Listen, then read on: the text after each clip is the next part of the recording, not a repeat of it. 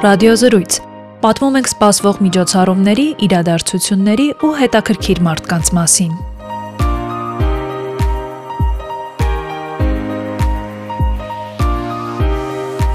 Հայաստանի ազգային պատկերասրահը նոյեմբերի 3-ից իր այցելուներին հրավիրում է Մարտիրոս Սարյան գիրք եւ արվեստ լայնածավալ ցուցահանդեսին։ Սարյանի շուրջ 9 տասնյակ բարձրաժեք նկարազարդումները ներկայացնում են գրքային գրաֆիկայի ասպարեզում վարպետի թողած հարուստ ժառանգությունը։ Ցուցանմուշների զգալի հատվածը ցուցադրվում է առաջին անգամ։ Դրանց թվում են հայ դասականներ Հովանես Թումանյանի, Վահան Տերյանի, Եղիշե Չարենցի գրական երկերի նկարազարդումները։ Ներկայացված են գրքային գրաֆիկայի ասպարեզում Սարյանի ստեղծած ամենավաղ ուրախ պատկերազարդումները ռուս հեղինակներ Միխայիլ Լերմոնտովի, Վլադիմիր Էլսների, Վալերի Բրյուսովի գրքերի համար, ինչպես նաև Վահան Թոթովենցի, Գուրգեն Մահարու, Մարիետա Շահինյանի ստեղծագործությունների ձևավորումները։ Ցուցահանդեսի մասին իմ ռադիոին կպատմի համադրող Հայկուհի Սահակյանը։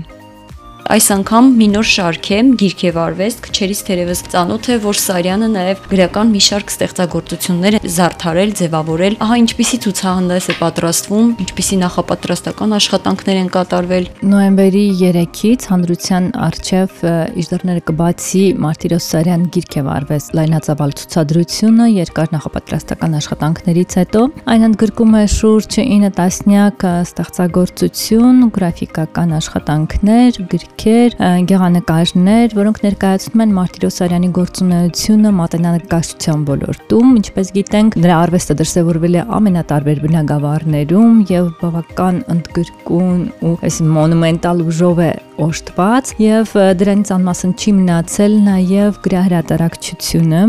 Իդեպ Մարտիրոս Սարյանը գրքային ձևավորումներով զբաղվել է դեռևս Ռուսաստանում ապրելու իր տարիներին, այսինքն ստեղծագործական վաղ շրջանում եւ 20-ական թվականներին, երբ տեղափոխվել է Հայաստան, նրան գրահրատարակչության ոլորտ հրավիրել է Եղիշե Չարենցը, որը ինչպես գիտենք այդ տարիներին հայ պետրատի գեղարվեստական բաժնի բարիչներ եւ նրա շնորհիվ ազգային գրքարվեստը մի նոր շունչ ու նոր թափ ստացավ, նա հրավիրում էր տարբեր նկարիչների եւ նրանց ձևավորումներով լույս էին տեսնում թե եվրոպացի, թե ռուս, թե հայ դասականների ստեղծագործությունները եւ այսով Սարյանը Չարենցի հրավերով իր գործունեությունը Հայաստանում ծավալում է նաեւ մատենանկարչության ոլորտում, ստեղծում է բազում կոթողային ստեղծագործությունների ձևավորումներ, դրանցից ուշագրավ են հենց Եղիշե Չարենցի երկիրն այրի վեպի ձևավորումները որոնք նույնպես ներկայացված են ցուցադրությունում, դրանք արվել են 1933 թվականին ռուսերեն վեպի ռուսերեն առաջին հրատարակության համար։ Դեպ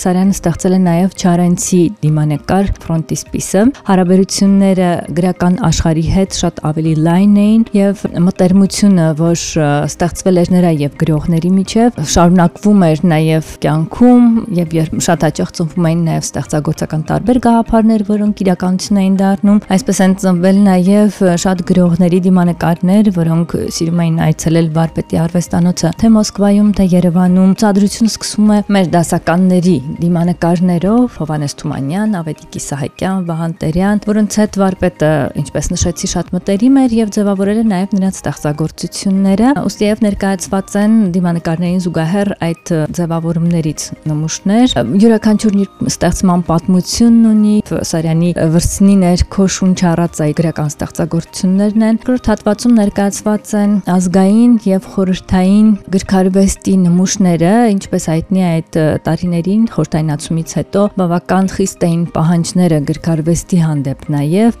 իսկ Սարյանը փորձում էր համադրել խորհրդային եւ ազգային տարերը, այդ իսկ պատճառով որոշ ստեղծագործություններ արգելվել են տպագրության համար։ Մենք ընդգրկել ենք ցուցադրությունում նաեւ այդպիսի նմուշներ։ Սարյանը Արյանի նուրբ գրչածայրի վրցնի ներքո կյանք են առել մեզ մանկությունից հայտնի կերպարներն ու հերոսները, պատումները, որոնք ներկայացնում են Սարյանի այդ հեքիաթային աշխարհը, եւ առանձին հատվածով ներկայացնում ենք Պարսիկ մեծ բանաստեղծ Ֆիրդուսու Շահնամե գրական կոթողից Ռոստամ եւ Սորա պոեմի ձևավորումները, որոնք իդեպ ստեղծվել են Եղիշե Չարենցի հորդորով, երբ 34 թվականին Չարենցը հանդիպում է Սարյանին եւ հայտնում է իր մտադրության մասին նախորդ խնդրելով որ հանկարծ մերժում չստանա եւ Չարենցը այդ դրվագը Սարյանի հուշերում շատ կենթանի ու վառ կերպով ներկայացված է որ նա ասում է բայց չեմ մերժելու ես իհարկե կանեմ այդ նկարազարդումները եւ Չորենց վերում է փաստարկներ, որ մենք պիտի հրատարակենք համաշխարային գրական կոթողներ հայերենով եւ դրանք պետք է լինեն հայեցի եւ դրանք պետք է ունենան ազգային գծեր, որպես ընթերցողը ձեռքը վերցնելիս հասկանա, որ սա հայկական գրքարվեստի նմուշ է։ Գիրքը լույս է տեսնում 1934 թվականին Ֆյորդուսու ծննդյան հազարամյակի տոնակատարությունների շրջանակներում Սարյանը գրքին անդրադառնալով պարսկական իրեն բնորոշ հա այդ լայն ընդգրկմամբ, իրեն բնորոշ խորաթափանցությամբ ուսումնասիրում եւ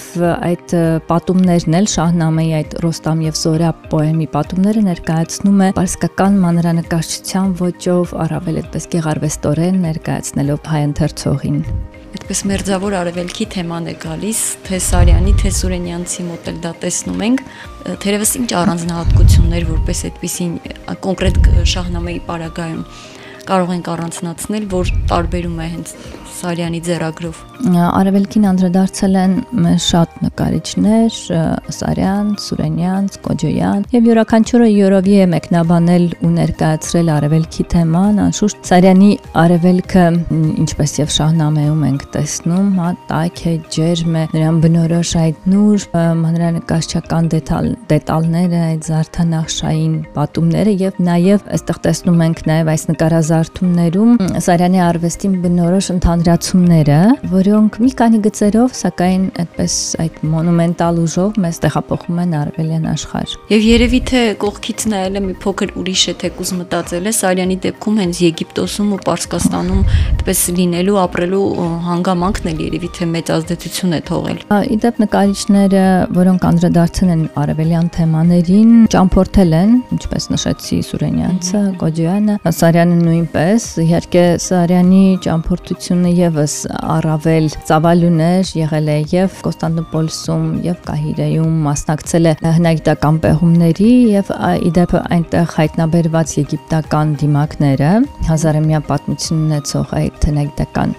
արժեք ունեցող դիմակները նա նվիրել է ազգային պատկերասրահին, որոնք այսօր մշտապես ցուցադրվել են մեր մշտական ցուցադրությունում եւ թեպետ այսօր պատկերասրահը մասամբ չի գործում, սակայն այս ցուցադրությունում դուք կարող եք տեսնել նաեւ այդ նմուշներից մեկը, որը իր յուրօրինակ հա կերպավորումն է ստացել Չարենցի հայտնի դիմանկարում։ Սուրենյանցին քանզի հիշեցինք, հայ պոեզիա հնագույն ժամանակներից ի վեր անթոլոգիան եւս ձևավորել է Սարյանը նրա հետ, դա էլ երևի թե կցուցադրի տրվի։ Երբ հայ ժողովուրդը տեսել էր ու տեսնում էր շարունակաբար ավերներ, աղետներ եւ շատ կարեւոր էր մշակույթի շուրջ համախմբումը, Ռուսաստանում Մոսկվայում Վալերի Բրյուսովը նախաձեռնում է հայ պոեզիայի անթոլոգիայի հրատարակ կումը եւ նրա շուրջ համախմբվում են հայ նկարիչներ ու գրողներ եւ Բրյուսովի ջանքերի շնորհիվ այն իհարկե լույս է տեսնում Մարտիրոս Սարյանի եւ Վարդգես Սուրենյանցի բարձրաժեք ձևավորումներով, որոնք իդեպ ոգեշնչված են հայկական միջնադարյան մանրանկարչությունից Բրյուսովի այս հրատարակության շնորհիվ մեր երկու խոշորագույն արվեստագետների ստեղծագործությունները միավորվել են իդեպ հետագայում հա այս գրքի հասու դրամադրվում է բարեգործական նպատակներով այդ գաղթից, հա ու ջարդից փրկված հայերի օգնության նպատակով է օգտագործվում եւ Մարտիրոսարյանի էսքիզը, որը ստեղծվել է այս անթոլոգիայի համար, պահվում է Հայաստանի ազգային պատկերասրահում եւ այս ցուցադրությունում այն նույնպես տեղ է գտել։ Պետք է նշեմ, որ մենք այս ցուցադրության շրջանակներում համագործակցել ենք ամենատարբեր թանգարանների հետ, որոնց ուզում եմ եթերից շնորհակալություն հայտնել։ Առաջին հերթին դա Մարտիրոսարյանի ընտանիքն է եւ տուն թանգարանը, որի հետ մշտապես մեր կապերը սերտ են եւ պատկերասրահի հիմնադրման ու հարստացման գործում մեծ ավանդ ունեցող Սարյանի ընտանիքը մշտապես մեծ ջերմությամբ արձագանքում էր նախաձեռնություններին եւ նմուշներ կան նաեւ գրականության եւ արվեստի թանգարանից, Ավետիքի Սահակյանի թանգարանից, ինչպես նաեւ Եղիշե Չարենցի տուն թանգարանից, պես ազգային գրադարանից գրքային նմուշներ, որոնք էլ առավել հարստացնում են ցուցադրությունը, ներկայացնելով այդ տարիներին հրատարակված նմուշները, որոնք արդեն շուրջ 100-ամյա պատմություն ունեն։ Սարյանի տուն թանգարանում այժմ էլ ցուցադրություն կա եւ կան արդյոք ցուցանմուշներ, որ եւ այնտեղ են ցուցադրվում կոնկրետ հիմա եւ շատ ճիշտ նշեցի, ցանկանայի իհարկե այդ հրաշալի ցուցադրության մասին եւս խոսել, քանզի ցուցադրության հիմքը կազմում են ազգային պատկերասրահի գրաֆիկայի հավաքածուի ոսկե ֆոնդի նմուշները եւ դրանք ներկայացնում են 30-ականների գրքային արվեստը, որոնք ստեղծվել են բնականաբար Եղիշե Չարենցի նախաձեռնությամբ եւ նա իր շուրջը համախմբել էր տարբեր նկարիչների, որոնք մի նոր շունչ ու նոր որակ էին հաղորդել հայկական գրքարվեստին Տաճատ Խաչվանյան, Միքայել Արուչյան, Հակոբ Կոջոյան եւ այդ տարիներին հրատարակված գրքերի ձևավորումները, էսքիզները այսօր ցուցադրվում են Սարյանի տուն թանգարանում եւ ներկայացնում են ոչ միայն գրաֆիկական ստեղծագործություններ, այլև այդ տարիներին հայկական կերպարվեստում տեղ գտած բազում տենդենսներ եւ ինչպես նաեւ բացահայտում են մեր արժեվ այդ մշակութային հարուստ շերտը, որից սնվել են այդ հետակա տարիներին ստեղծված այդ գրքային ձևավորումները, որոնք իսկապես հարուստ գեղարվեստական ավանդույթներ են ստեղծել։ Թերևս բավականին բազմազան է թե հայ գրողների, թե արտասահմանյան գրողի հետ է Սարյանը համագործակցել, թերևս ամենախոշոր էսպիսի էքսպոնատ կարող ենք մի քանիսը նշել։ Օրինակ Թումանյանի կամ Իսահակյանի հեքիաթների բանաստեղծությունները։ Ինչ խոսքը Մարտիրոս Սարյանի ստեղծագործությունները բոլորն են բարձրաժեք եւ սիրելի, սակայն կարելի առանձնացնել որոշ ստեղծագործություններ։ Եղիշե Չարենցի դիմանկարը հայտնի է եգիպտական դիմակի ֆոնին, երկիր նայիրի ձևավորումները, կարելի առանձնացնել նաեւ Իսահակյանի դիմանկարը եւ Աբուլալա Մահարի պոեմի ձևավորումները, որոնք իսկապես չքնաղ են եւ ցավոք այդ տարիներին չեն հրատարակվել։ Հայկական հեքիաթներից դեռևս ոչինչ չեմ կարող առանձնացնել, քանզի նրանք գողտրիկ են բոլորը եւ այդպես հետաքրքիր է թե ինչպես է Սարյանը հեքիաթները կենթանացրել հայկական միջավայրում, այդ հեքիաթային մոտիվները միահյուսել է հայկական կոթողներին եւ ստացել է այդպիսի յուրօրինակ կոլորիտ Ռոստամ եւ Սորապ պոեմի ձևավորումները չքնախեն բոլորը սկսած սուպեր շապիկից վերջացրած այդ վերջազարդերով, ֆրոնտիսպիսով, ֆորզացով եւ այդ բոլոր բոլոր դետալներով իսկապես դժվար է առանձնացնել ինչ որ ցուցանմուշներ, պետք է այցելել եւ տեղում տեսնել ու այդպես ամբողջապես ընկալել Մարտիրոս Սարյանի գրքարվեստը, որը իսկապես մի մոնումենտալ էջ է հայկական մշակույթում, հայկական կերպարվեստում։ Միջև երբ է բաց լինելու ցուցահանդեսը, Ցուցահանդեսը կգործի շուրջ 2 ամիս ընթացքում գուցե որոշում կայացնենք երկարացնելու վերաբերյալ, այսպես նախ, նախապես դեռևս չեմ կարող ասել, սակայն նոյեմբեր եւ դեկտեմբեր ամիսներին վստահաբար գործելու է այն ազգային պատկերասրահի երրորդ հարկում, որմնանկարների սրահի հարևանությամբ նշեմ, որ այդպես որոշակի աշխատանքներից ու վերակազմավորումից հետո հանրության արչև կբացվի նաև որմնանկարների սրահը եւ այցելուները դիտողները կարողանան զուգահեռաբար կրկին անգամ վայելել մեր միջնադարյան որմնանկարների, կնորինակներն ու նաև օրիգինալները։